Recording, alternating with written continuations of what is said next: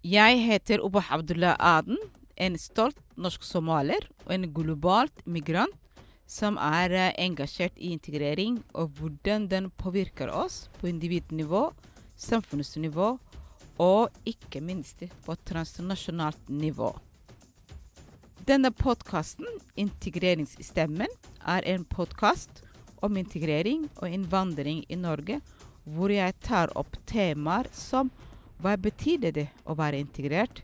Hva koster det å være integrert? Og hvem i all verden definerer egentlig at du er ferdig integrert? Jeg tar opp relevant problemstillinger knyttet til det å være en minoritet i en majoritet. I denne første delen av podkasten møter jeg kvinner fra ulike nasjonaliteter som alle har til felles at de er innvandrerkvinner som har blitt en del av det norske samfunnet. De representerer ulike kulturer, land og verdensdeler, og har alle sin personlige integreringshistorie. Vi snakker om utfordringer knyttet til likestilling, og betydningen likestilling har for den enkelte. Velkommen til uh, integreringspodkasten. I dag har vi to vidunderlige gjester. To søstre. Monira Mekerau og Farhe Mekerau, som uh, er her hos studio i dag. Eh, Monira er uh, 35 år gammel, norsk og somalier. Eh, hun er forfatter, poet, foredragsholder om diverse temaer, bl.a. vold i nære relasjoner. Monere driver uh, med kunnskapsterapi og bruker dette som et verketøy til å bistå folk som har opplevd traumer. Og du er uh, barnemor til uh, to, to gutter. Mm -hmm. Ja. Eh, og Farhia er 20, 20, 25 år gammel, norsk-somalisk daglig leder for uh, en barneorganisasjon uh, som står for ICT, du skal jo forklare etterpå, mm. uh, og har drevet med, eller jobbet med utviklingsfeltet i mange år. og har vært forkjemper for barn og kvinners rettigheter. Velkommen til integreringspodkasten, ladies. Tusen takk. Tusen Veldig takk. koselig at vi får muligheten til å komme. Nå har vi gledet oss. Veldig, jeg også. Ja, endelig har jeg dere her. Fantastisk. Ja. Tusen Jeg har jo fulgt dere i sosiale medier og tenkte når jeg skal få disse to damene sammen, og at vi klarte det, det er bare drøm. Det var Ja. fantastisk. Moni, jeg har jo kjent deg en stund gjennom dine poetforestillinger. Mm. Men når du delte en sterk historie på Facebook for ikke lenge siden Mm. om opplevelse, din egen opplevelse om vold i nære relasjoner, da tenkte jeg denne damen, denne damen må jeg bli bedre kjent enda mer. Jeg må høre hennes historie. Mm. Fordi selv om jeg har jobbet i dette feltet mange, mange år, har jeg aldri møtt kvinner, folk fra vår etnisitet, som tør å fortelle Mm. dette som oppleves veldig skam. Så ordet ditt, fortell oss. Takk skal du ha. Du sa nøkkelordet skam. Jeg er her for å knuse den. Ja, jeg gjør det. Jeg har hammer under her også. Vi tar den nå frem. Vet du hva, det, det er en av mine største motivasjoner. Og grunnen til at jeg står frem og deler min historie, er å først og fremst gi den lille jenta i meg stemmen sin tilbake. Og så knuse den skammen som har gjort at bare mer og mer elendighet har fulgt etter meg. Jo mer jeg var stille om de tingene jeg ble utsatt for, jo verre situasjoner jeg, ble, jeg befant meg selv i. Mm. Um, så det er en ære og en glede for meg å kunne dele historien min, og samtidig eh, gi styrke til andre. Det er Mm. min største motivasjon, at andre kan se på min historie og tenke hvis hun går i dag som hun gjør, og hun ler og hun er glad i livet og er glad for å leve, så kan jeg også. Det er Det er håpet det. mitt. Yeah. Så det er sant, det er veldig tabubelagt å snakke om vold i nære relasjoner. Men jeg går jo enda dypere inn og snakker om seksuell overgrep. Ja. Eh, for det er det jeg har opplevd Ja, hva har skjedd med deg? som barn. Mm. Jeg var utsatt for eh, eh, Ja, jeg ble voldtatt Mm. da jeg var barn. Eh, fire og halvt første gangen. Jeg har også, opp, jeg har også vitnet eh, noen veldig kjært, noen nært meg, Mm. også bli utsatt for voldtekt som barn. Ja. Ja. Og disse tingene gjør noe med oss. Det gjør noe med måten vi bærer oss selv. Yeah, yeah. Ikke sant? Og måten vi går i verden. Yeah. Um, og jo Det var det første jeg var utsatt for, og uh, I Somalia eller her i Norge? Somalia. Mm. Mm. Eh, men vold i nære relasjoner da når- jeg ble gift. Yeah. Når jeg kom til Norge, og, og jeg kom til Norge som eh, 14-åring, så jeg har Mm. bodd her litt over 18 år. Ja. Jeg er 34, forresten. Et år til jeg blir 35. yes. Um, men alhamdulillah. Um, så det at jeg, For meg jeg ser historien min som en, en ikke sant, det, Den ene leder til det andre. Ja, det at jeg var utsatt for vold Ja. i barndommen, eh, gjorde, det, gjorde meg veldig mottakelig for å bli utsatt for Mm. eh, vold i, i ekteskap også. Eh, det gjør at vi blir Vi har en veldig høy terskel for å Super, oppleve ja. disse tingene. Eh, og så i tillegg til det å vokse opp i en veldig, et samfunn der det er veldig patriotisk. Ja. At eh, det er OK, alle menn, menn slår konene Mm. sine, og eh, det er vanlig. Man er glad i deg. Hva har du gjort? Ja. Veldig ekkel kultur, faktisk. Det er en ekkel Mm, kultur, ja. men dessverre, det er det vi har med oss. Det ligger inni i Ja. oss også. Ja. Um, Faktisk det er sant, fordi i deler av vår kultur oppleves det som eh, det er eh, hvis, hvis du ikke blir slått, da er det sånn Hva er galt med meg? Ja. Ja. Mm. Så det er helt motsatt. så vi også liksom, Noen kvinner også har eh, ja, dette synet. Ikke sant? Vi er Mm. inni oss at eh, det er OK at vi blir slått. Det er, det er OK at vi blir eh, Kroppen vår er ikke vår. Vi er Mm. her for å tjene. Vi er her for å ikke, Jeg elsker å tjene de jeg elsker. En, en av mine kjærlighetsspråk er å tjene de jeg er glad i. Mm. Men, så det er ikke for å si Ikke sant? Men um, det, det er ikke en selvfølge Ja. at uh, vår kropp skal være for andre. Ikke sant? Yeah. Um, så ja, nå har jeg mista mine tanker. Ja, hva har skjedd? Du, du skulle si historien din. Hva har skjedd med deg? Én ting førte Ja. til den Ja, den andre. ene, det en Mm. ting førte til noe annet, ikke sant. Så jeg eh, Det at vi snakker om seksuell overgrep, veldig vanlig. Og at vi sier ja, det skjer, og det, en overgriper kan være hvem som helst, er veldig viktig. Mm. Jeg blir veldig provosert når jeg hører Ja, men han Han var jo en helt normal fyr. Mm. Flink på jobben og snill og en omsorgsfull far eller onkel eller hun, fordi det, kvinner kan også eh, Kvinner er også overgripere, ikke sant? Mm. At vi ser disse menneskene som helt vanlige. Det er ikke monstre. Mm. Eh, det er ikke plutselig en alien som kommer og utsetter barn for noe så grovt. Mm. Det her er vanlige mennesker i hverdagen. Eh, så når vi forstår at det kan være hvem som helst, så blir vi ikke så forskrekka når barnet forteller endelig har motet til å si Vet du hva, dette har skjedd med meg. Mm. Eh, da blir vi lettere mottakelig for å høre OK. Istedenfor å si 'hva har du gjort', 'hvor var Ja. du'? Fordi det er det vi har tendens til å legge skylden. Når vi spør sånne ekle spørsmål 'hva var det du gjorde'? Yeah. Eh, hvorfor, hvorfor deg? ikke sant? Ja.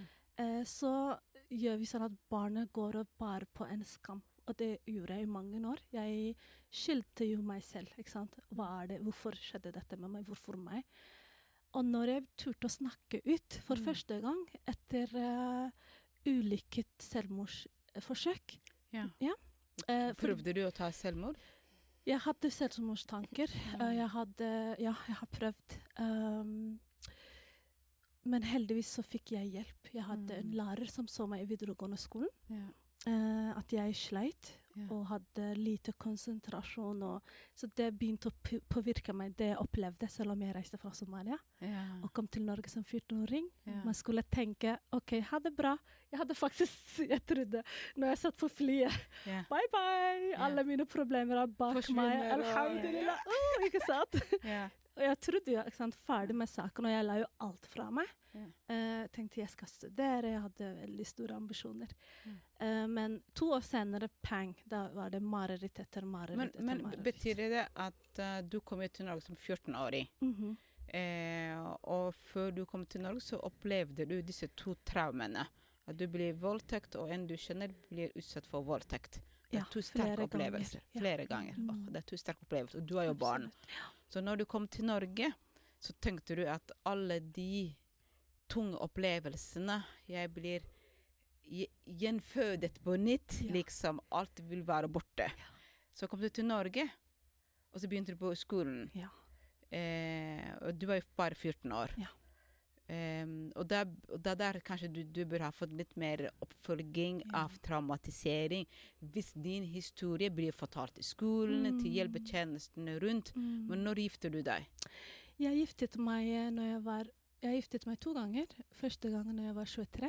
Mm. Eh, skilt etter tre måneder. det var mitt valg. ja. ja, ja, det skal Eh, være vår andre valg. gangen, ikke sant?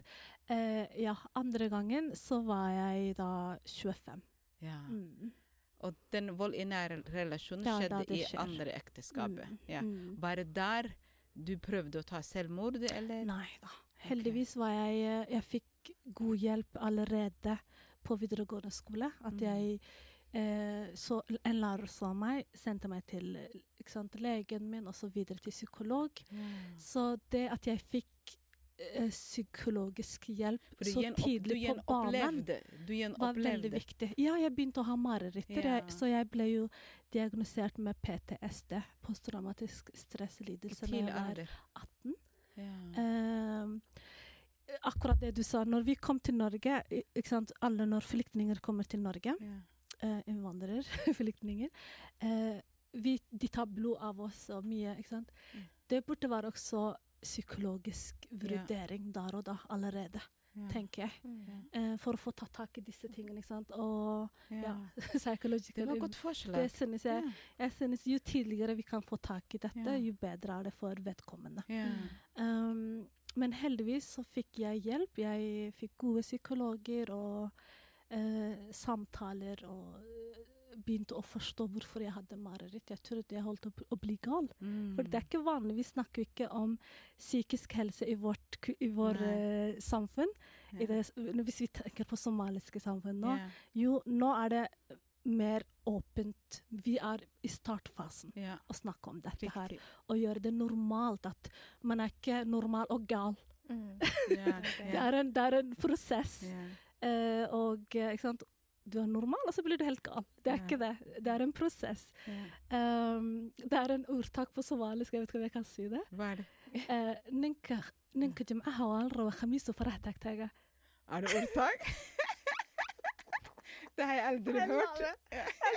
Du dikter opp. Nei, jeg har hørt det da jeg var liten. Den som holder på å bli gal på fredag, begynner å peke rundt På torsdagen. På torsdagen. Så vi må se. ordtak. Det jeg aldri Ok, hørt da har du hørt det, da. Så det er sånn Jeg tenker vi må se etter dette tegnet. Vi må se OK, hvorfor går den, dette barnet annerledes? Hvorfor har barnet blitt mer aggressiv eller mer trykket? ikke sant? Eh, at vi begynner å følge med Mm. og tenke OK, de har ikke blitt gale, det er noe som skjer her. Mm. Mm, og ja, Så jeg har hatt eh, flere diagnoser Ja. eh, psykologisk. Ikke for å skremme noen.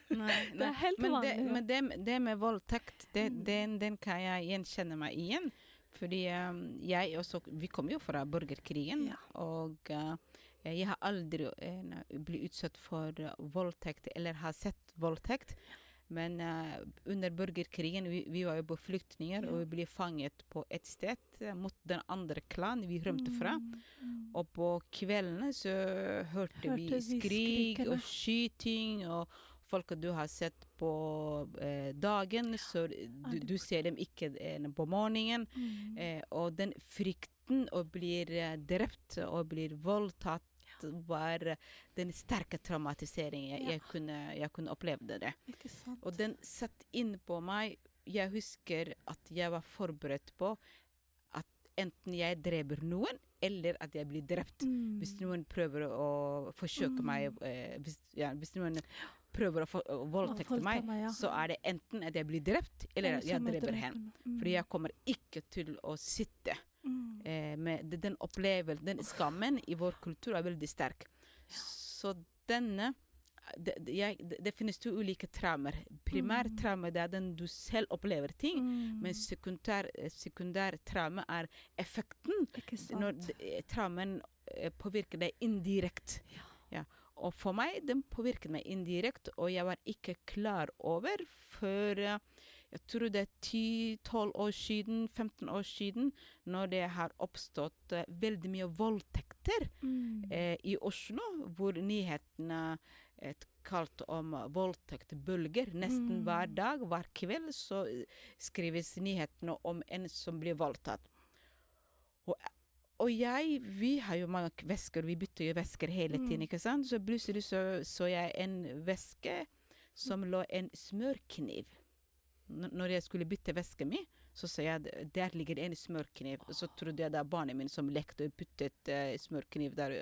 Og så sier jeg 'Hvem har gjort dette? Hvem la den?' Og ingen sier 'Hvorfor skal vi uh, putte smørkniv i vesken?' Vi gjør ikke det. Det skilles etter det.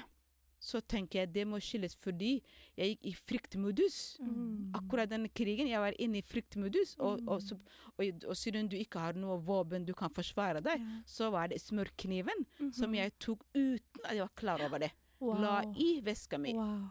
Jeg gikk med smørkniv i veska mi.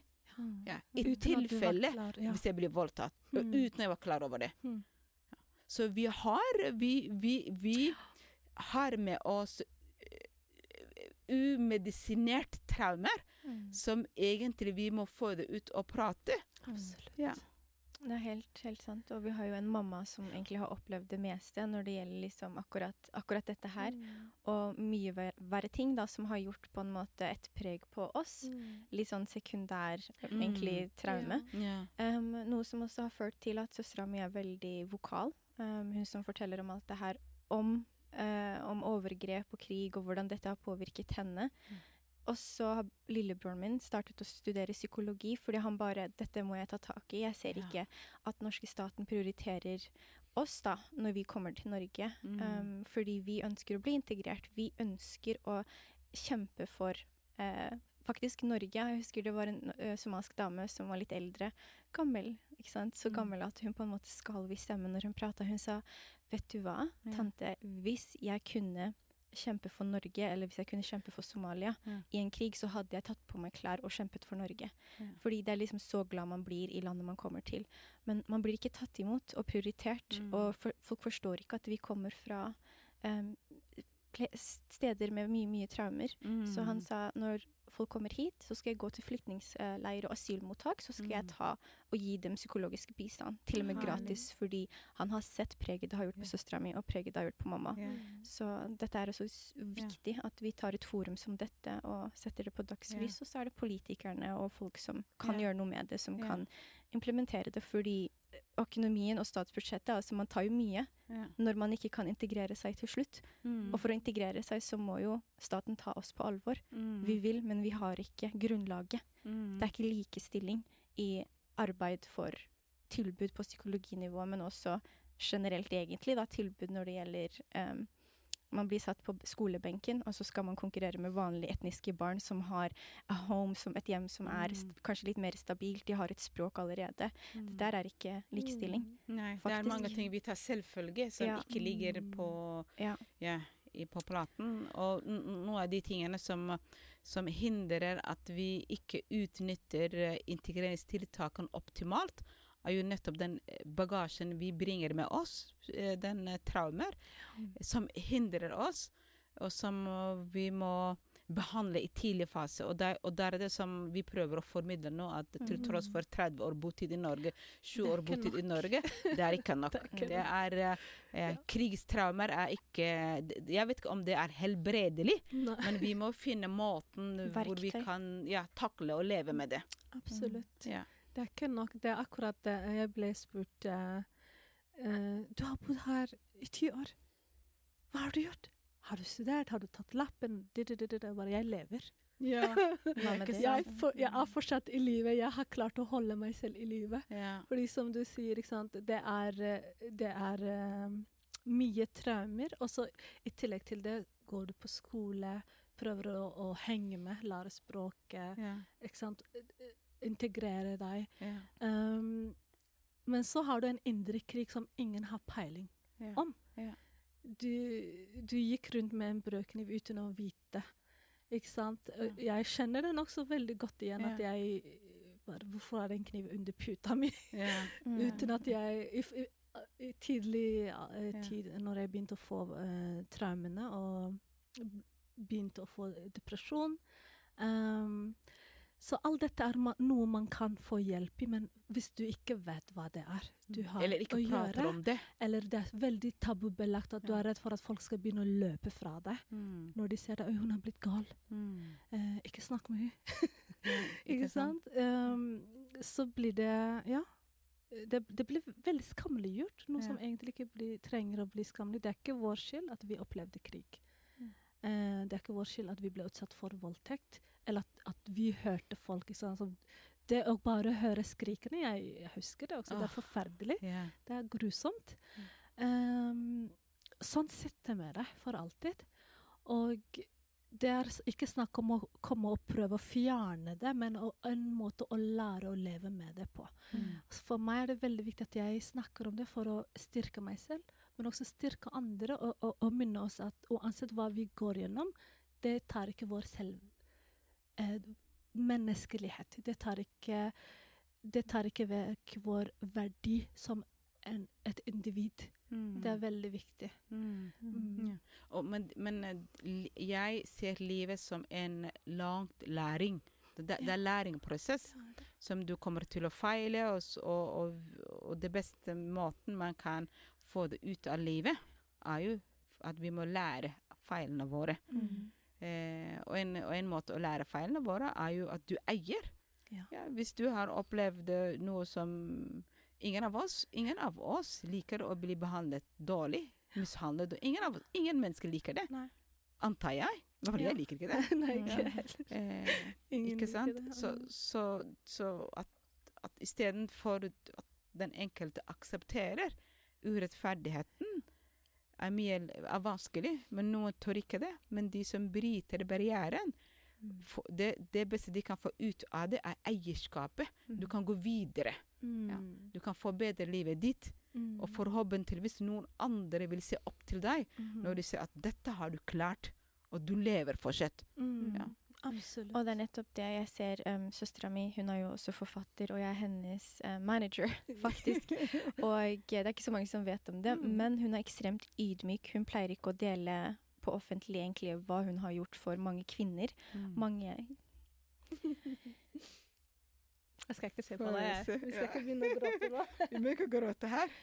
Nei da, jeg skal ikke gråte, men Mm. jeg syns det er veldig viktig å si ifra. Ja. At hun også har Takket være henne har mange jenter Mm. i barnefamilier og sånn på en måte blitt reddet. Mødre som har sagt oi, jeg har fulgt deg på sosiale medier veldig lang tid, og jeg har sett takket være deg at dattera mi på en måte var utsatt for dette da, med stefaren hennes, og jeg visste ikke det, og nå er vi ute av den situasjonen. Ja. Så det er liksom så viktig på grunn av hun Ja. faktisk prøver å få dette på dagsorden og fortelle at in, in our community this happens, så har det ført til at mange familier har kommet ut av vanskelige situasjoner. Mm. Fordi hun har gitt dem verktøy for Ja. hvordan hun kom selv ut av det, da. Mm. Så det er fantastisk. Det, det, er- det- det er helt sant det du sier nå. Og vi blir- vi blir jo alle Jeg blir litt så følsomme. Dette er veldig emosjonelt tema. Ja. Mm. Men at jeg delte innlegget ditt, Mm. har jeg fått mange respons på innboks. Ja. Folk som roser deg. Mm. Hun tør, hun er modig. Hvordan går det med henne? Mm. Og så, og så sier jeg Men kan ikke du spørre henne? Ja. Nei. Fordi folk eh, tør tør ikke de, De ser det som om du vil vite om dem. Om dem, ja. og du vil, og du vil eh, en, eh, Ja. Straffe eller Ja, Ja. ikke sant. Så, så, Ja. så det er mange som sier 'Å, så bra, så bra at hun har bare, stått send, opp'. bare send melding. Ikke Ja. vær redd for meg. Men, ja. Men Farhia, kan du Ja. fortelle oss din organisasjon, hva dere jobber med? Eh, ja, så ACT ble egentlig Det heter ACT Empowered. Um, jeg studerte noe som heter utviklingsstudier, og så i dialog med professorene mine og sånn, så skjønte jeg på en måte at det er veldig lite eh, midler, sånn donasjon som blir donert, og så går det liksom direkte til formålet, f.eks. eksempel, Og så var det eh, på en måte mange foreldreløse barn eh, som kommer i barnehjem. Eh, og så fant jeg ut i litteraturen at egentlig barnehjeminstitusjoner funker egentlig ikke så effektivt. Eh, så vi endte opp med mammaen min når hun jobbet i Øst-Afrika. Så endte hun opp med å adoptere et par barn som i dag er voksne, som jobber for staten, som jobber som sykepleier og farmasøyter, og de på en måte oppdaget da lokalt eh, der de bor, at det var behov for å hjelpe barn, eh, spesielt foreldreløse barn. Og da fant de ti stykker. Så vi eh, grunnla Act Empowered for å gi 100% av alle midler som blir donert til formålet. Så vi nå driver med et 20 års forskningsprosjekt for å se hva som kan erstatte barnehjem. Fordi jeg påstår I Somalia? i, eller- Nei, vi starta Ah, altså, vi der er eh, starta- somalisk region av Etiopia. Ja. Så Mm. vi på en måte prøver å se hva som funker. Og vi er tålmodige med det. Så Mm. vi, ser, vi, vi har ikke et ønske om å vokse på 20 år, for vi skal fokusere på de ti barna. Ja. Og takket være faddere så får vi på en måte gjort det. Og dette her, eh, organisasjonen, har jeg navngitt da etter mammaen min. Ja. Så det står for Amos Children of Tomorrow, fordi mamma var foreldreløs og vet first hand how that is. Mm. Yeah. Ja. Wow. Dette er Så- beste, beste arbeid noen kan bidra til. Å, så hyggelig. Ja. Ja, så det er det arbeidet vi gjør um, på et internasjonalt basis. da, Fokuserer på barn først og fremst. Um, men i Norge så jobber jeg som prosjektleder Mm. for en stiftelse som heter RKF. Rådet for kulturell kompetanse i forebyggende arbeid. yeah. og um, jeg leder et nå likestillingspolitisk tiltak for å prøve å ja, egentlig forsterke integrering og likestillingsarbeidet innad innvandrermiljø. Så bra. Så det er derfor dette er et veldig kult sted å Ja. komme og snakke litt om likestilling. Ja, kjempefint. Og da må jeg spørre deg. Likestilling. Begge dere, egentlig. Dette er jo første spørsmålet jeg pleier å spørre gjestene mine. Vi bare hoppet inn. Heftig tema. Men, eh, men siden alle vi tre er jo fra Somalia, Mhm. og eh, eh, vi- kjenner jo til den likestillingen vi vokste opp, og, og den likestillingen vi vokser nå. Mm. Så hvis jeg spør dere, hva kunne dere løfte frem eh, likhetstrekken, ulikhetstrekkene mellom de to likestillingene vi har i vår bagasje? Mm. Hva er det vi kan si? Hva som er bra, hva som ikke er bra? Eller hva er likhetsmomentene? Mm. Har vi noe likhetstegn der? Mellom norsk og somalisk likestilling? Eh, Ja vel. Likhet. det var veldig interessant. Du ga jo spørsmålet. Jeg skulle um, At alle, ja, alle ønsker å ha det bra. Det er Det tror jeg er likhets... standardmenneskeønske. Um, ønske om utdannelse, det tror jeg er eh, både her og der. Uh, men da kan jeg fort komme inn i det som er ulikt. Ja. Ikke sant? Er at eh, eh, det er ikke at jenter og gutter kan gå på skole i Somalia, men jenter må ikke gå på skole. Mhm. Eh, det kommer an på familiens levevilkår og familiens ja, syn. Yeah. Eh, men det er ikke må at jenter går på skole, eller iallfall tenk, eh, Det var ikke høyere. obligatorisk. Det var ikke obligatorisk. Eh, høyere utdannelse og sånt. Mm. Da tenker man at kvinnene helst skal lære? Vi og hjelper og steller huset og alt mini-mammaer mini Mm. eh, for små, ikke sant? Mm. Og, og, og lære disse gode kvalitetene til å klare seg videre i livet. Um, det må ikke guttene gjøre, iallfall Mm. når, når det gjelder husarbeid. Mm. Uh, det det ser jeg også her. Jeg har jo norske venninner som Mm. er gift, og de står for husarbeidet. Men det som er annerledes, er at det er ikke en selvfølge at jentene eller kvinnene skal gjøre alt husarbeid her i Mm. Norge. Men det er samme De, også. de gjør det, men det er Mm. ikke en selvfølge. Mm. Mens eh, i hjemlandet vårt så er det en selvfølge, ikke sant? Mm. At, uh, det er ikke, at at likestilling er ikke engang et spørsmål. Det er Mm. ikke et, et tema engang. Likestilling, hva er det du snakker om? Ja.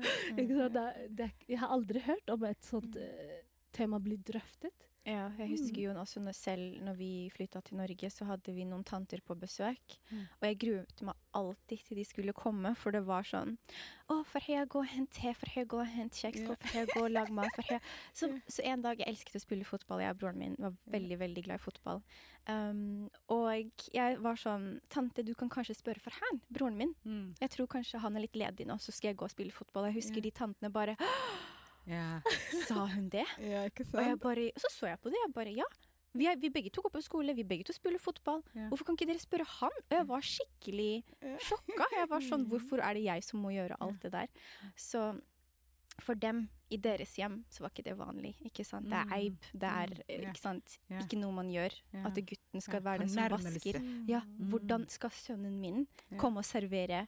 Tantene? Du skal rydde etter ham. Du skal rydde etter han. Og det var ikke noe jeg vokste opp i, fordi mamma var ikke sånn Mm. i det hele tatt. Jeg og broren min på lik linje lærte oss begge to å lage mat og vaske våre egne klær innen vi var tolv år. Begge to. Um, noe han takker for henne nå, da, når han studerer psykologi. Så er jeg sånn, mamma, takk for at alt du lærte meg. Ja, ikke sant? Det var bra. Så det var fint. Så jeg ser jo likhetstrekkene, absolutt. Kulturen, man tar det med seg. Ikke sant? Selv om kanskje religionen sier én ting, at de skal på en måte gjøre sånn og sånn, og kvinnen og man skal være sånn. Mm. Åh, ingen tar det med seg. Nei. Fordi de har hørt, og de vet ved kulturen sin at det er ikke noe man praktiserer. Så Exactly. Mm. Ja. Så egentlig det vi ser Den største hindringen vi ser, Mm. er jo kulturen er kultur. som har blitt gjort til religion. Å Mm. Å ja, Mm. det var, det. det var en fin måte du sa det på. Yeah. Og så blir det jo en sånn Vi opplever da når vi kommer til Norge en type dobbel likestilling der vi også skal gå på skole, der vi skal jobbe, der vi skal være ikke sant, mammas høyre hånd i vasking, og hver gang gjester kommer, den som rydder og alt det der. Mm. Men vi skal også på lik linje som alle andre få gode karakterer. Så liksom presset på oss innvandrerjenter er egentlig ekstremt høyt. Fordi Ja. samfunnet forventer vi skal gjennomføre, Ja. og foreldrene våre forventer vi skal gjennomføre. Ja. Men vi har ikke utgangspunktet. It's called equality, actually. Ja. Det er ikke rimelighet er det beste begrepet jeg kan komme, komme på. Mm. Som ikke er et begrep egentlig jeg har funnet opp, for jeg har sleit lenge med å finne et begrep for equality. Mm. Eh, nei, equity. Men det var min professor, da, um, Cecilia Salinas, um, Mm. som jeg har blitt ekstremt gode venner med Ah. på etterkant av studiet mitt. Elsker henne med hele hjertet. Shout Skjæra til Cecilia. Men hun fant da et begrep for equity, som er rimelighet. Så man må på en måte ha samme utgangspunkt for å oppnå samme resultater. Mm. Så det er jo det vi snakker om med Ja. psykologisk hjelp også. Hvis vi kunne komme på samme mentale stabiliteten, så hadde vi kanskje klart enda mer, ikke Ja. sant? Ja. Og. Tilretteleggelse er veldig Ja. ikke sant? At, man, at vi tilrettelegger mm. etter hver, hver ens behov.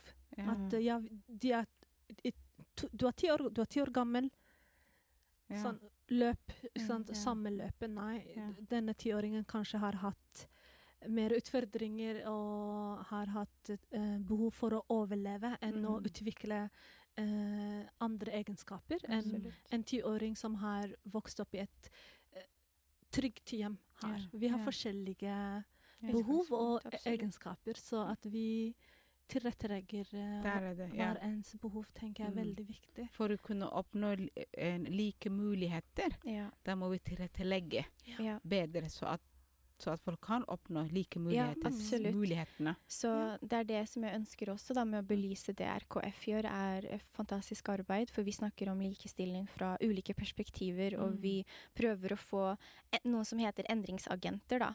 Eh, Folk som er i ulike profesjoner til å komme og melde seg på disse kursene. Mm. Og så etter tre dager så får de et kursbevis, så de kan gå inn til deres eh, Ja. miljøer og snakke litt om altså innvandrermiljøer og ta opp dette med likestillingsarbeidet. Ja. Og det jeg liker å fokusere på som, som personlig, da, Mm. er equity. Jeg som en Farhelul, Mm. Jeg tror egentlig ikke på likestilling.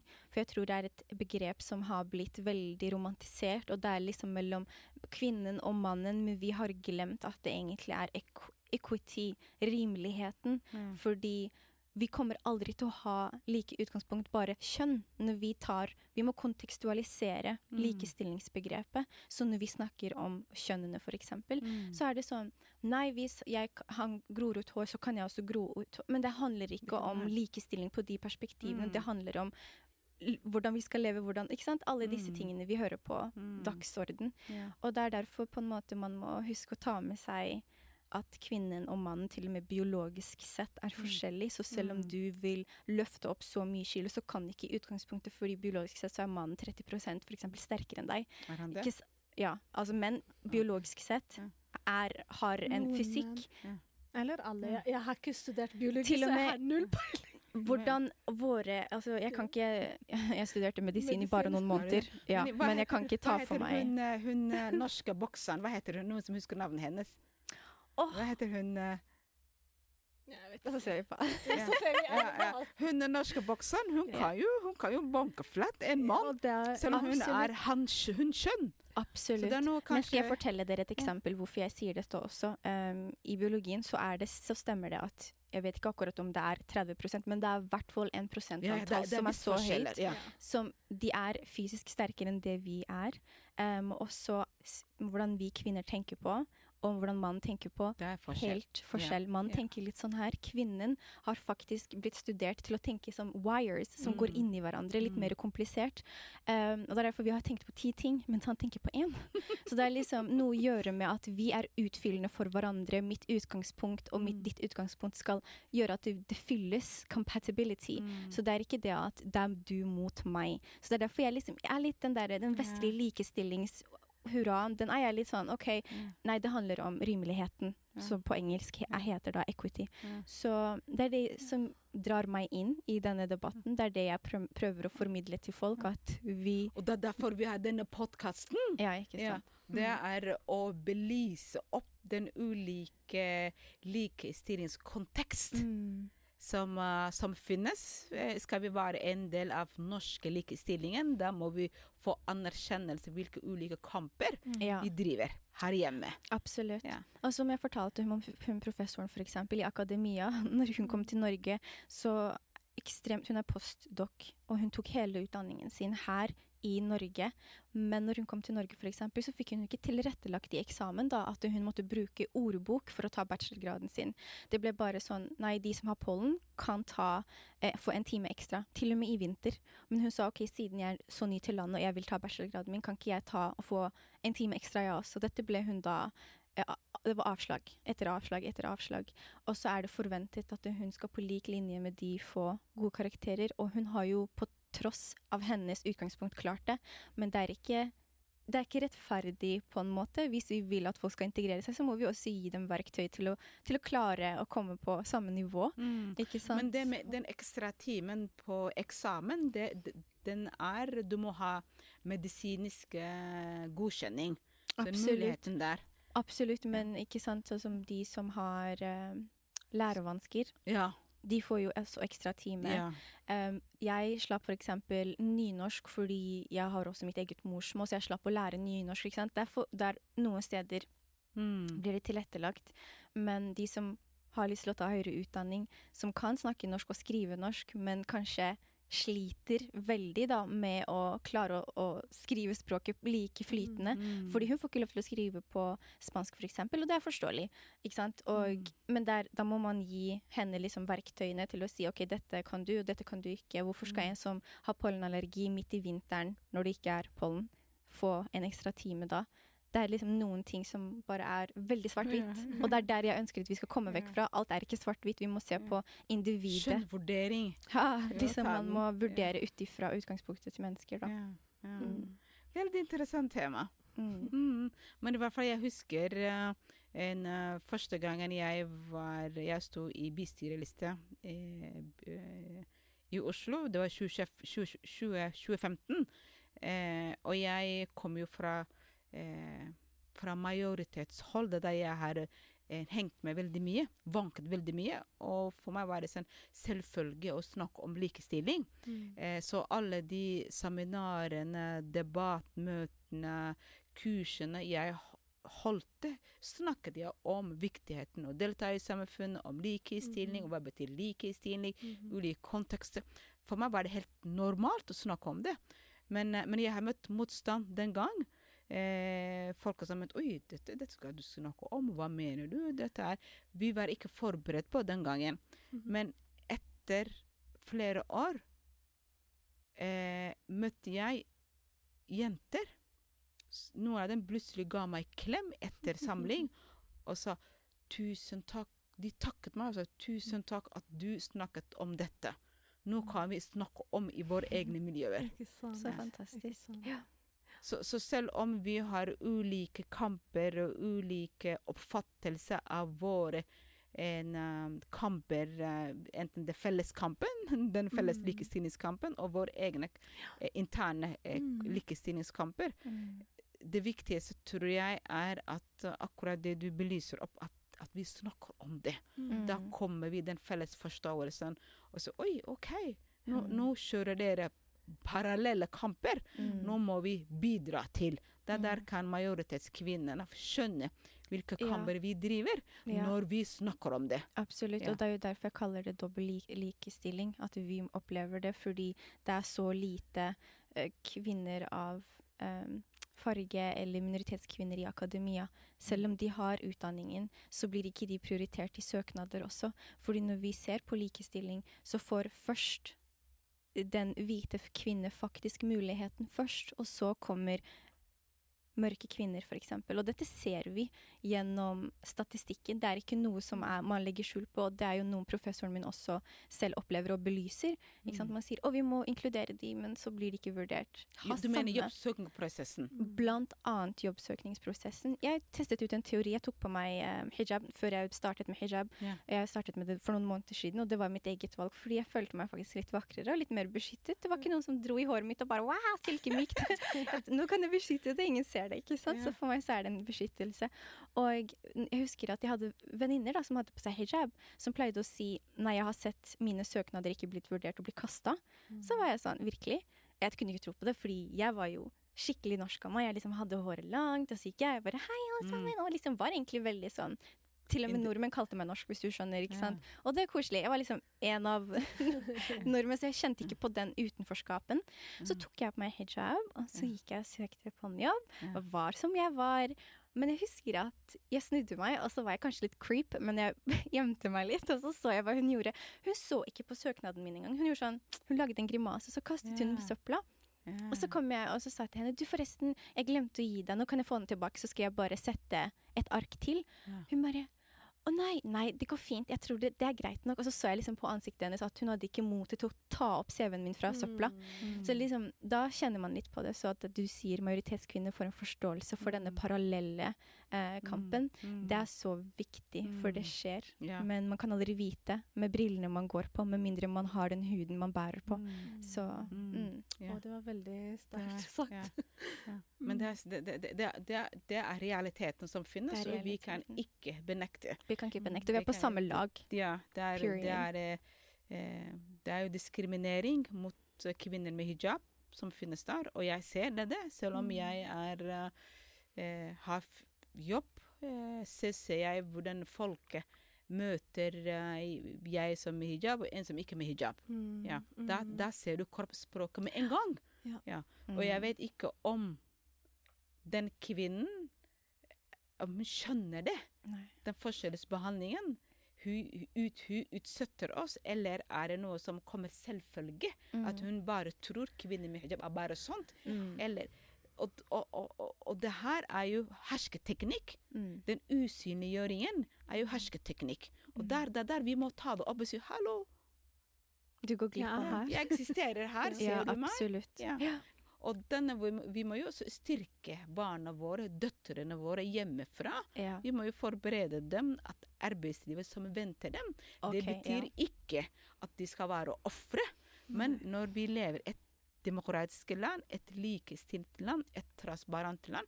De må jo vite om deres rettigheter og Absolutt. det ansvaret de Og har med hvordan de blir Mm. mottatt, ikke ikke minst. Hadde hun kvinnen lest CV-en min, så hadde hun sett på uli to ulike butikker, så har jeg vunnet mest for snitt. Og jeg har økt budsjettet, liksom økonomien som kom inn i begge butikkene jeg jobbet i. Og det var så leit for at sjefen min ikke ville gi meg bort engang. Det er liksom Hun gikk glipp av noe, det er det jeg vil si. Så, og det å undervurdere pga. utseendet, det går utover egentlig den som det gjelder. Ja. Ja. Men kjære Moni, vi må jo gå tilbake til den historien din. Mm. Som fikk oss alle følsomme, så nå skal vi, nå skal vi beherske oss eh, følelsene inne. det Ja. Det jeg er opptatt av, er at uh, fysisk vold Mm. og psykisk vold Generelt vold i nære relasjoner er jo et svært samfunnsproblem. Absolutt. Det koster millioner av penger til samfunnet. Det er mange liv som blir ødelagt. Mhm. Og en måte vi kan forebygge, er at vi snakker om det, at vi forteller det. Og det ofte folk snakker om, er den fysiske. Men de, den psykiske er veldig sterk. Jeg husker Mm. en av mine tidligere elever sa at jeg liker best når mor slår meg, enn når hun skriker til meg. Mm. For når hun skriker, da forsvinner ikke smerten. Nei. Den sitter der. Ja. Mm. Så del med oss historien din. Takk. Det var veldig sterkt det der eh, eleven din sa. Det er veldig trist. Um, den, det med vold er at vi hører om det, og vi tror at man har blitt slått til? Nesten bevisst slått, eller, eller blått øye, eller Og det, det skjer jo. Mm, det, mange tilfeller blir ikke volden fysisk engang. Mm. Det kan gå Det kan pågå over mange år.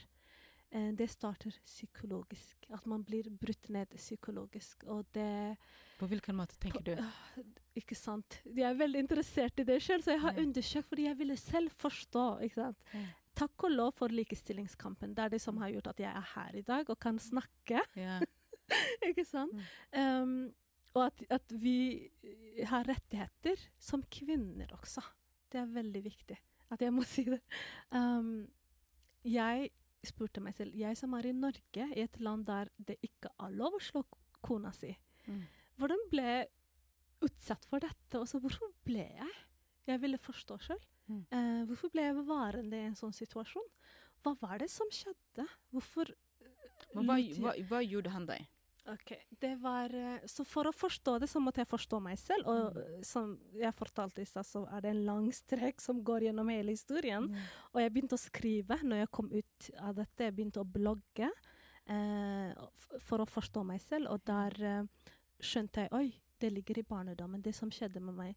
Det her er min personlige eh, historie. Mm. Jeg vet at vold i nære relasjoner hvem som helst kan bli utsatt for det, og uansett hvilken klasse, sosialøkonomisk klasse, hvilken, om du er en etnisk nordmann eller en eh, fra Sri Lanka, eller om du er mann eller kvinne, hvem som helst kan bli utsatt for vold. Det er veldig viktig å si. Mm. Um, men min personlige historie var at det at jeg opplevde det jeg opplevde, og det at jeg har vitna det jeg var vitne til i barndommen min, har gjort meg mottakelig for vold. Mm. Og det har gjort meg at jeg tol tolererte så mye ja. ah, Jeg vil banne. At jeg tror tolererte er så mye dritt som jeg gjorde. Ikke sant? Så når jeg forstår det, så kan jeg fortelle hva som skjedde da. Så det startet eh, psykologisk. For eksempel eh, gaslighting, som er da at man Det er ikke løgn. Ikke sant? For eksempel hvis du lyver, og jeg sier 'hvorfor lyver du'? Mm. Og når jeg viser deg 'jo, du skrev dette til meg, du lyver', så sier du oh, unnskyld, da, ja, det er sant, jeg løy til deg'. Mm. Men gaslighting er å si Hvorfor må du se så usikker du er at du må, må du virkelig vise meg en melding? Mm. Du stoler på ingen. Det var galt med deg. Så du løy til meg, men du vender det tilbake Mm. til meg. Det er min skyld. Ja. Det er min skyld at du har løyet til meg. Mm. Ehm, så det er mye sånn psykologiske spill som går på at uh, uh, du blir manipulert. Eh, du blir isolert. Eh, det er også eh, økonomisk vold inni det her. Mm. At man Selv om du jobber, så har ikke du kontroll på økonomien. Det er den som utsetter deg for volden, som har kontroll på Hva er det deg. som skjedde med deg? Det skjedde med meg.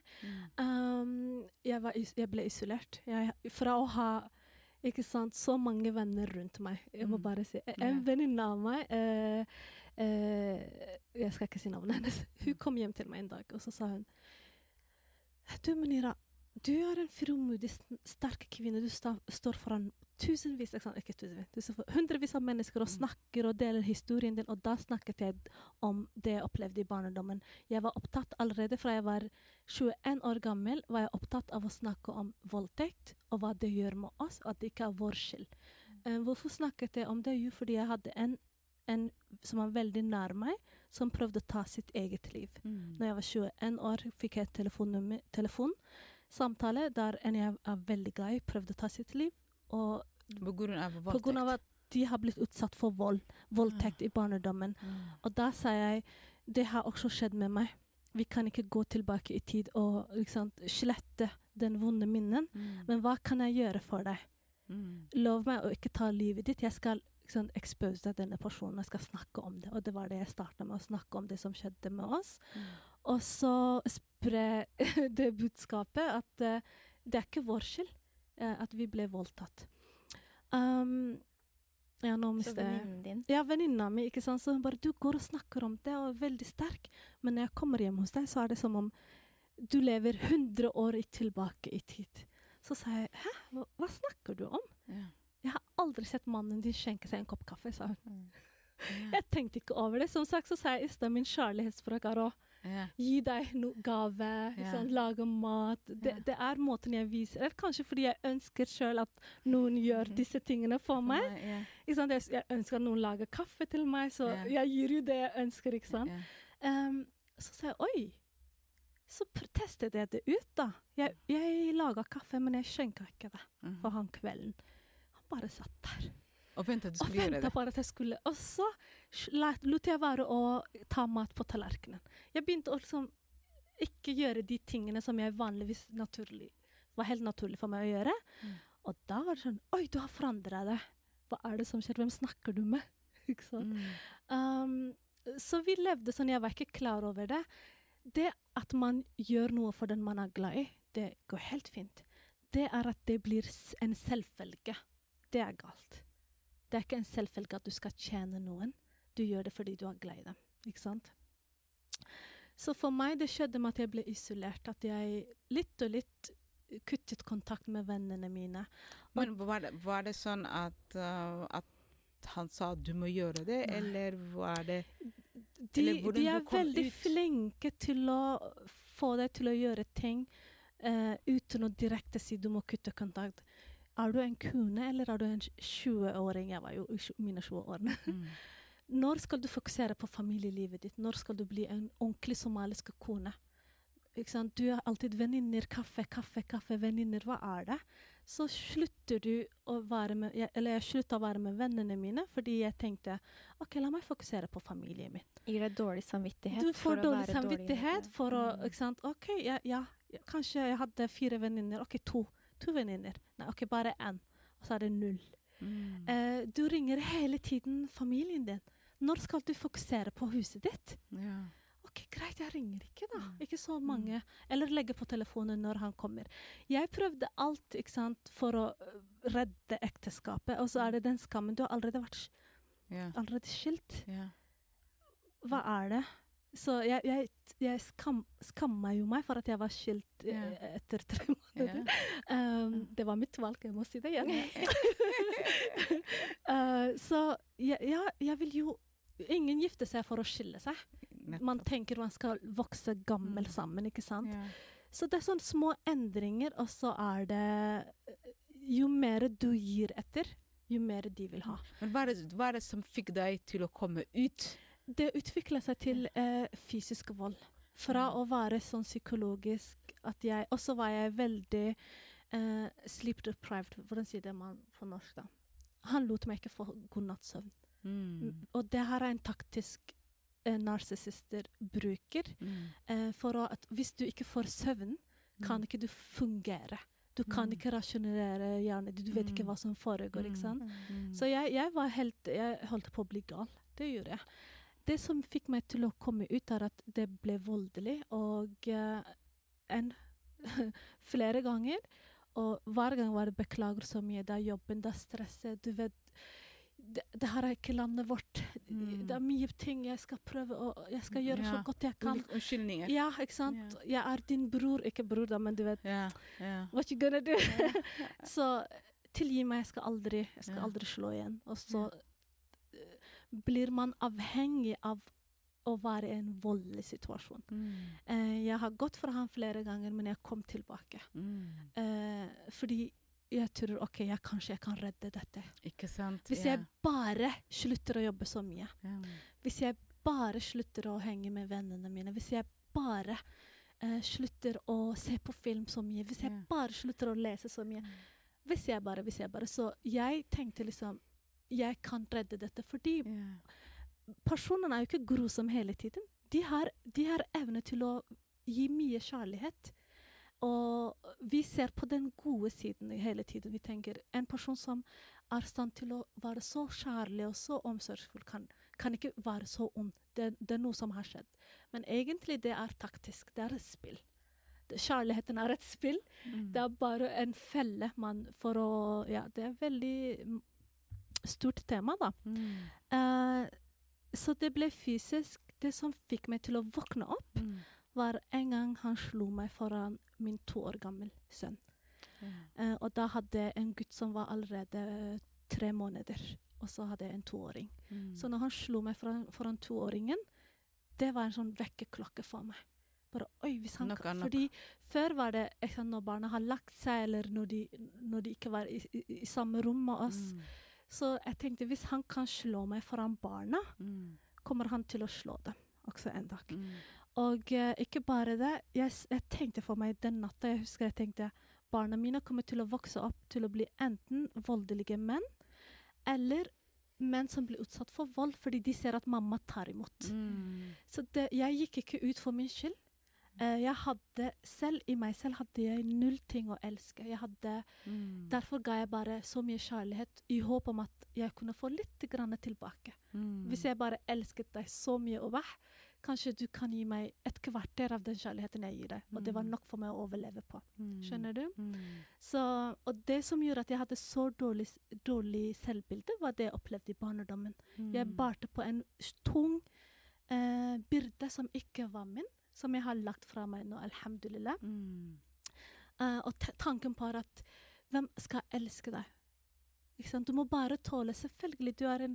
Jeg hadde et sånn dårlig bilde av meg selv, at jeg var et knust, ubrukelig, yeah. udugelig ting. At jeg var heldig som har fått denne mannen som er glad i meg. Så uansett hva han gjør, så må jeg bare tåle Hold det. Yeah. Fordi ingen, ikke sant? Men uh, jeg skilte fra meg den tankegangen også, alhamdulillah, fordi jeg vil ha meg selv, først og Mm. fremst. Jeg er verdifull, og det er veldig viktig å si. Mm. Um, det er, men det er en vanlig tankegang for barn, voksne som har opplevd voldtekt. Det er ikke noe vi kan, i tillegg til krig og alt det vi har opplevd. Uh, det gjør noe med, vår, med oss. Det er en Mm. indre kamp, men det går an å bygge seg selv, og det har jeg gjort de siste Ja. fem årene. Du fikk hjelp når du eh, Du fikk hjelp, ikke sant? No. Jeg dro, jeg. Tok ja. passet og toget. mm, flyttet vekk fra der Flyttet du var. vekk, Ja. Mm, Tolv timer med tog. Det, det, det er nettopp derfor jeg har invitert, invitert deg her. For å fortelle din historie. Du brukte ett ord narsissist. Ja, det er Mm. sterk. Ja. Beskrivende det, det, Ja, ja. det er sterke ord. Eh, og mange av våre Har, kvinner, ja, har opplevd. ja, de har opplevd, og de Ja. fortsatt deler med, Mm, mm, men med slik eh, oppførsel. Ja. Mm. Det er jo også hvordan vi er oppdratt til er å tjene. Ja, Og hvordan vi er Mm. oppdratt til å gi så mye. Og det tiltrekker ofte narsissister. Mm. Og vi tror ikke det, men de, de ser det på oss. Hvordan vi er så kjærlige, hvordan we welcome them. Hvordan Mm. de blir dratt til den varmheten. Mm. Men, og det er veldig lett å misbruke. Det fordi er vi er oftest kanskje de som er litt naive også. Yeah. Med mindre man har blitt såret såret og kan se. godheten. Mm. Godheten i, i mennesker, ikke sant. Du er gjør sånn du vil gi. Narsissister velger De vet de går ikke etter hvem som helst.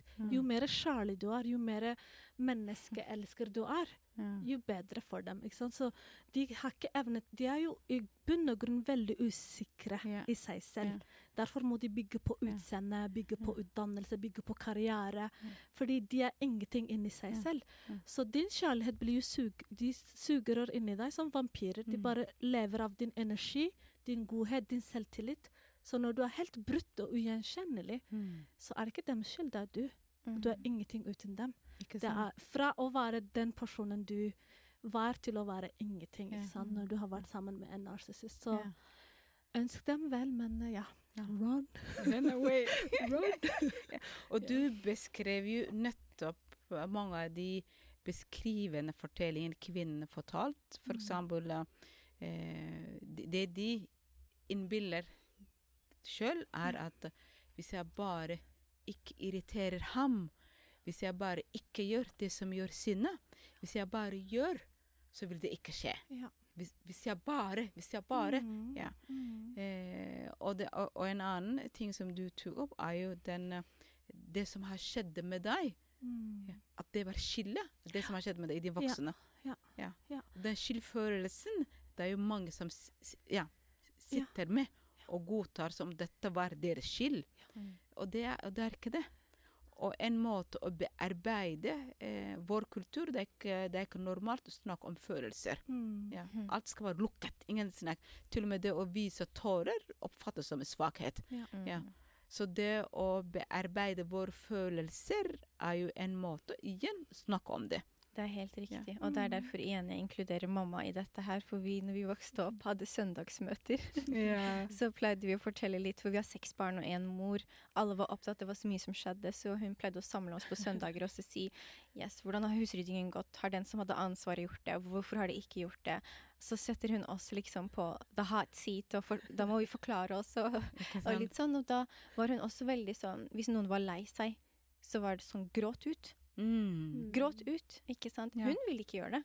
Mm. Let me remind you. Mm. Hun gjorde ikke det. Nei. Men for oss så var det veldig essensielt for henne at vi gråt ut og fortalte om hva vi følte. Yeah. Noe som jeg også ser igjen reflektere på lillebroren min, og hvordan han er i dag, som en somalisk eh, norsk gutt som er 1,90, veier liksom 90 kilo og er veldig sånn skjegg og veldig stor, men likevel så fikk han i en uh, i lekse å fortelle om mammaen hans.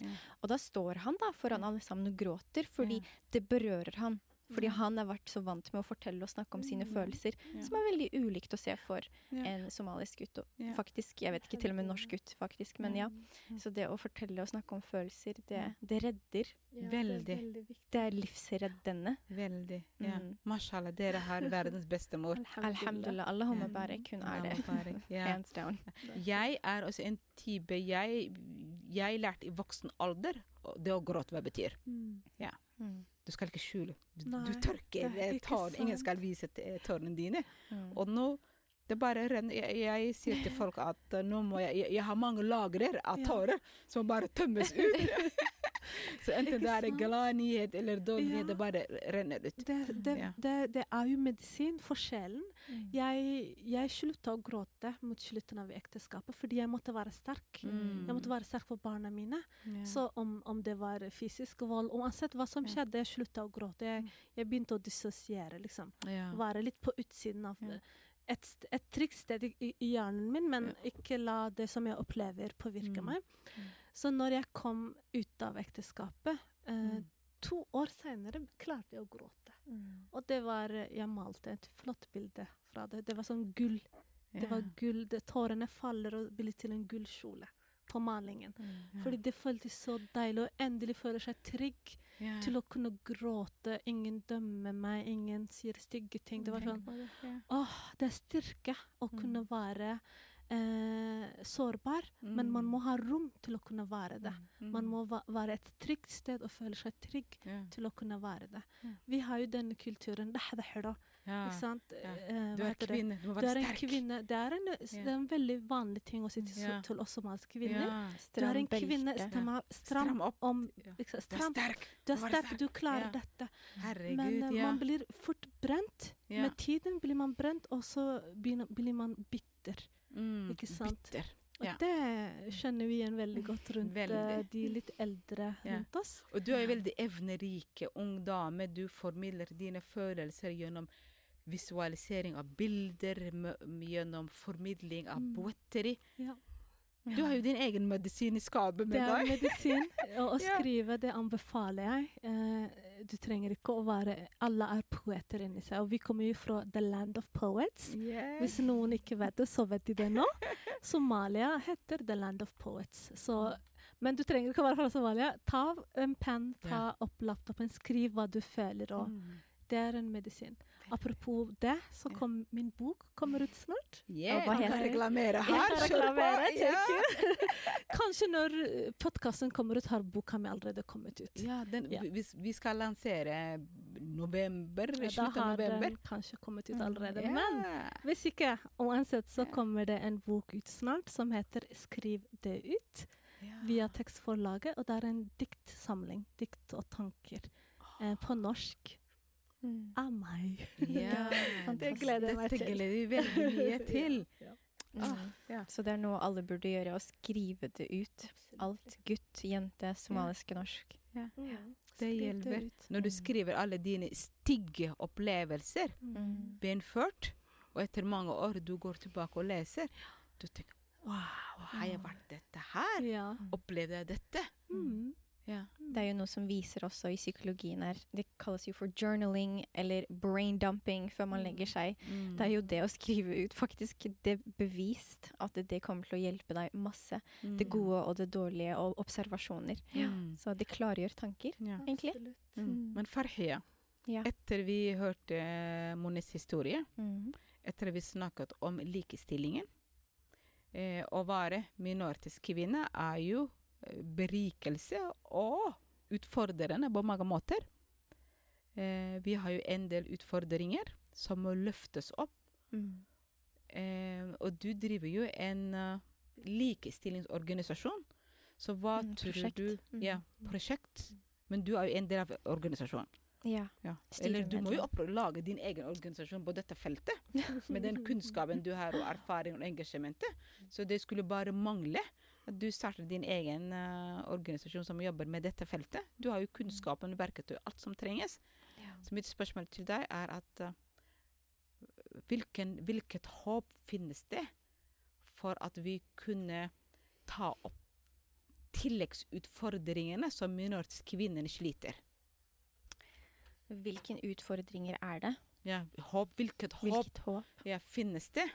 Så at uh, våre utfordringer, enten det er vold, ja, vold mot barn, vold mot Mm. kvinner, Mm. utfordringer knyttet til likestilling, Mm. diskriminering vi møter, Ja. hva slags fremtid Ja. venter oss, enten vi i den eldre generasjon, yngre generasjon, kommende, kommende generasjon. Ja. Mm. hvordan kan vi få det til et samfunn hvor alle har like muligheter, Mm. uansett hvordan du ser ut og hva du tror på?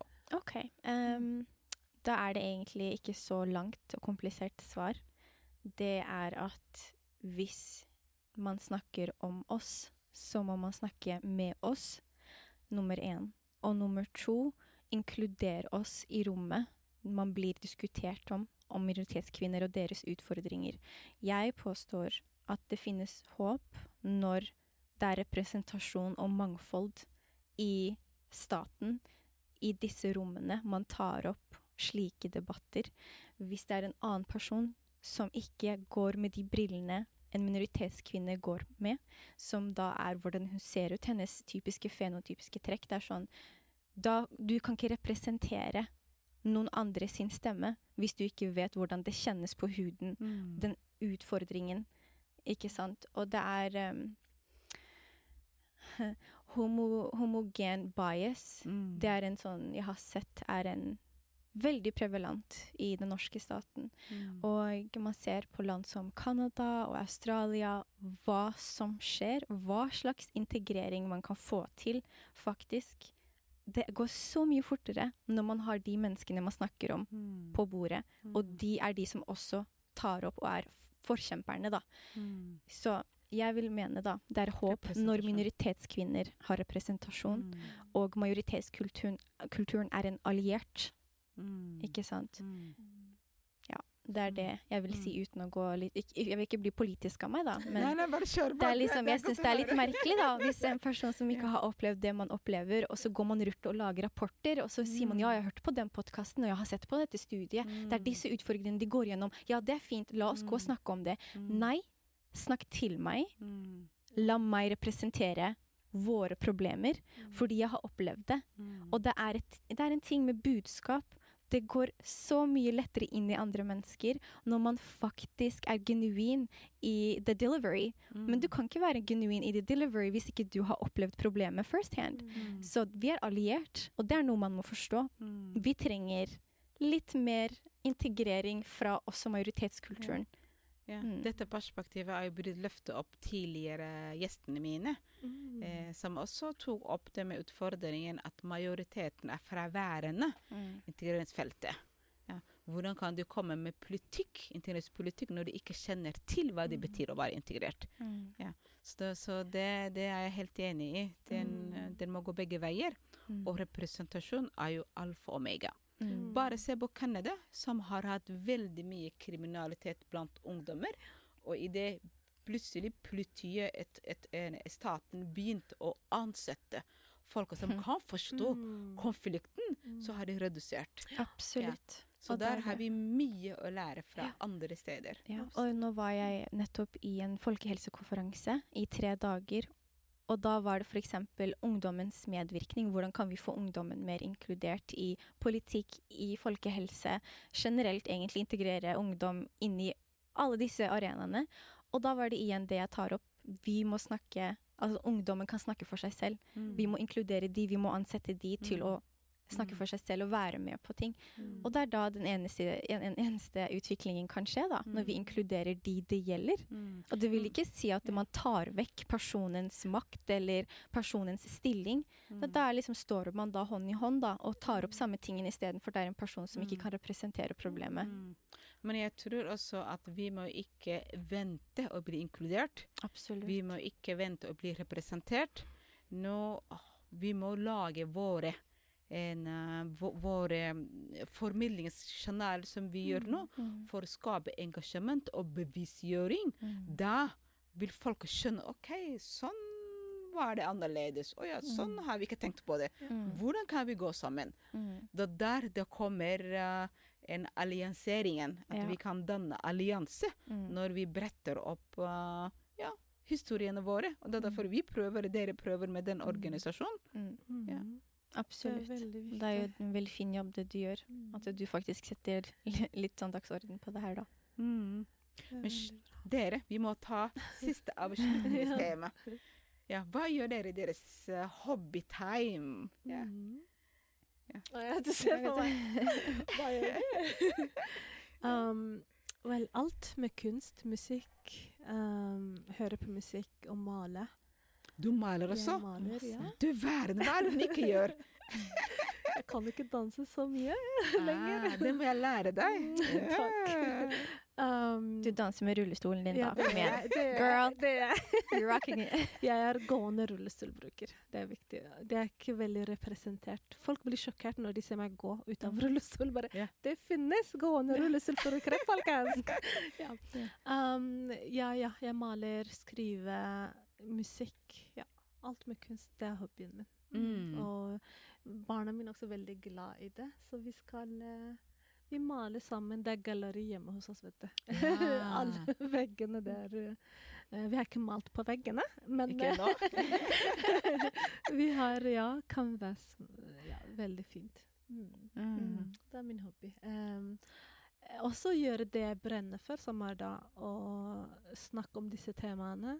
Eh, jeg kan kort si at jeg jobber også med ungdommer eh, som foredragsholder og kursholder. Mm. Og Der er det viktig å, å bygge Det var noe vi snakka før vi kom hit, om, yeah. om å bygge hjemmefra. Mm. Vår identitet. Yeah. Eh, jeg er kursholder innen Flexid. Jeg vet ikke om du har hørt yeah. om det? Mhm. Fleksibel Så identitet, du er, du, er du er sertifisert som eh, er det. Gratulerer. Endelig. Takk. Ja. Jeg samler på sertifisering av kurser. ja, så det er veldig viktig. Eh, Det begrepet redda jo meg. Mitt syn, ikke sant. At Mm. jeg kan være både somalier og norsk. ja. Og alle de kulturene har bodd i, er en del av meg. Så at vi har en fleksibel identitet og må ikke ha sånn dårlig Netto. samvittighet. Netto. For at vi kanskje i noen dager eh, identifiserer oss mer med den norske. Yeah. Noen dager identifiserer oss mer med den somaliske eller Ja.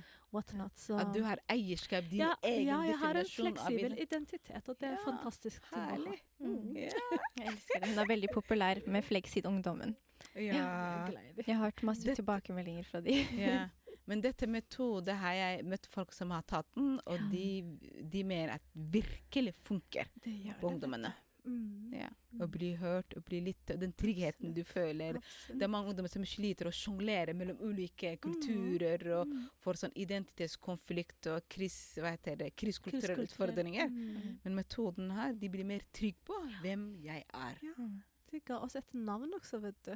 Sånn konkret. Jeg, er en eh, flek jeg har en fleksibel identitet. Det er en veldig fin Ja, Fleksibel Fleksibel Ikke identitet. sant? Det er deilig. Herlig. Og ikke ha dårlig samvittighet for uh, at du må ikke velge noen. Du kan være ja, begge deler, takk. Ja. Som Ole Brumm, vet du. Ja. Farge, hva gjør du i din fremtid? Ikke herregud, jeg får I din fritid! Ja. Hva gjør du i din fritid? I min fritid, oi. Jeg hadde faktisk Jeg fikk litt tilsnakk av mamma. At istedenfor å ha litt fritid og se på noe, så pleier jeg å like å skrive søknader. Mm, I det siste. Det bruker du i din fritid. I Men jeg er veldig glad i alltid sånn Jeg er veldig interessert i sånn konseptet med self-growth. Så jeg er alltid sånn Oi, jeg ser på Jeg melder meg på sånn skrivekurs, eller jeg melder meg på Jordan Peterson. Han kom ut med en sånn der eh, Man kan fylle ut, skrive litt hvordan man kan bli bedre person, hvordan du kan vokse, hvordan du kan bygge din identitet, hvordan du kan liksom få en bedre karriere. Så jeg er ekstremt oppslukt i det temaet, så mye så at jeg ser på dokumentarer om det. Yeah.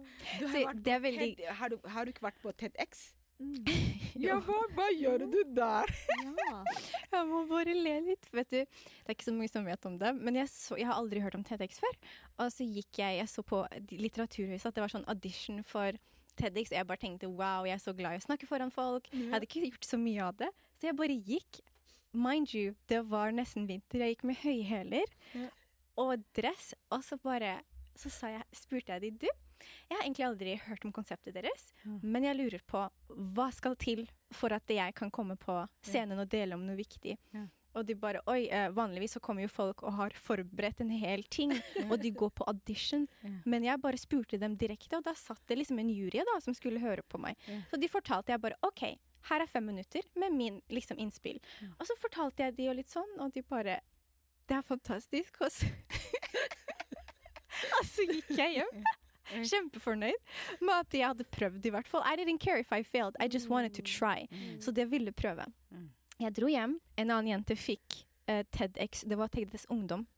En annen jente fikk plattformen. Hun, er, hun var så passionate. Jeg, jeg er veldig glad for henne. Og så ringte Sigurd Reinton meg, han som da leder eh, TED Talk Norge. Mm. Og han bare Du, du fikk ikke TEDx Ungdom eh, stage, men vi ønsker å ha deg med på TEDx Mm. Oslo, altså som er den større eventen. Og jeg bare Hvorfor? Why not? Og jeg bare jo, fordi vi har litt, Da hadde de gjort sånn litt investigation på meg og sett Mm. at hva jeg egentlig brant for. Så da kom jeg og presenterte da den nye ideen min. Mens jeg var i Tanzania uten internett, og jeg bodde blant Masai-befolkningen. Um, og for å ja, gjøre feltarbeid da, med kvinnelig kjønnslemlestelse. Så nei da, det var fantastisk egentlig, men det var Ja, jeg gjorde TEDx, men det var sånn Jeg liker å ta sjanse. Jeg liker å sette meg selv i de mest ukomfortable situasjonene for Ja. å forstå hvor er det jeg vokser, hvordan reagerer jeg. Så det er min hobby, egentlig. Self-growth. også. Jeg digger deg også. Ja. Det er sånn jeg liker altså. Du må ikke sette noen begrensninger. Nei. Prøv ut alt. Jeg må prøve ut alt. Jeg må Ja. ta sjanser. Det var derfor, når jeg var 15, så dro jeg jo fra Norge til Somalia med et filmteam for å filme i Hergeisa om kvinnelig kjønnslemlestelse, hvordan Mm. staten jobber med dette. da. Og mamma sa nei, er du gæren? Du er ikke 18 år engang. Skal du reise med to norske kvinner til et sted folk bærer våpen? Ja. Jeg bare, vet du hva, mamma? Hvis ikke du lar meg, så er det din feil at I'm not successful. Ja. I just wanna let you know. Det er din feil hvis jeg ikke går noe i livet. Hun så på meg med sjokka ansikt. Hun bare OK, bare gå. Ja, det. Ja, bismillah. Og så gikk jeg, da. Man må ta sjanse, egentlig, Det med livet. en, du, dere lagde jo dokumentar for NRK. Ja, så den kom på NRK da i Mm. 2017. Mm. Da var hun 15 år gammel. Kjønnslemlestelse. Hun reiste Og du til er 15 år. Imponerende. Så, For folk som hører på, uansett hvor du kommer fra, uansett hva du opplever, uansett interseksjonalitet, ta mer sjanser i livet, ikke vær redd. Janteloven ut av vinduet, OK? Mm. Prøv deg litt frem. Du lever bare én gang. Helt sant. Dette var beste avslutning. Du prøver bare en gang. Ja. Lev ut. Ja, lev Lev ut. ut eller liv ut. Lev ut Lev ut. maksimalt. Ja. Drit på deg hvis du må. Bare prøv, da. Wipe it and continue. Herlig! Tusen Takk, for at dere kunne være med oss her. Vi kunne ha fortsatt å prate evighet. Vi blir aldri ferdig med det. Det er sant. Men- Takk, takk for oss. Dette var fantastisk. takk. Du har hørt en episode av Integreringsstemmen.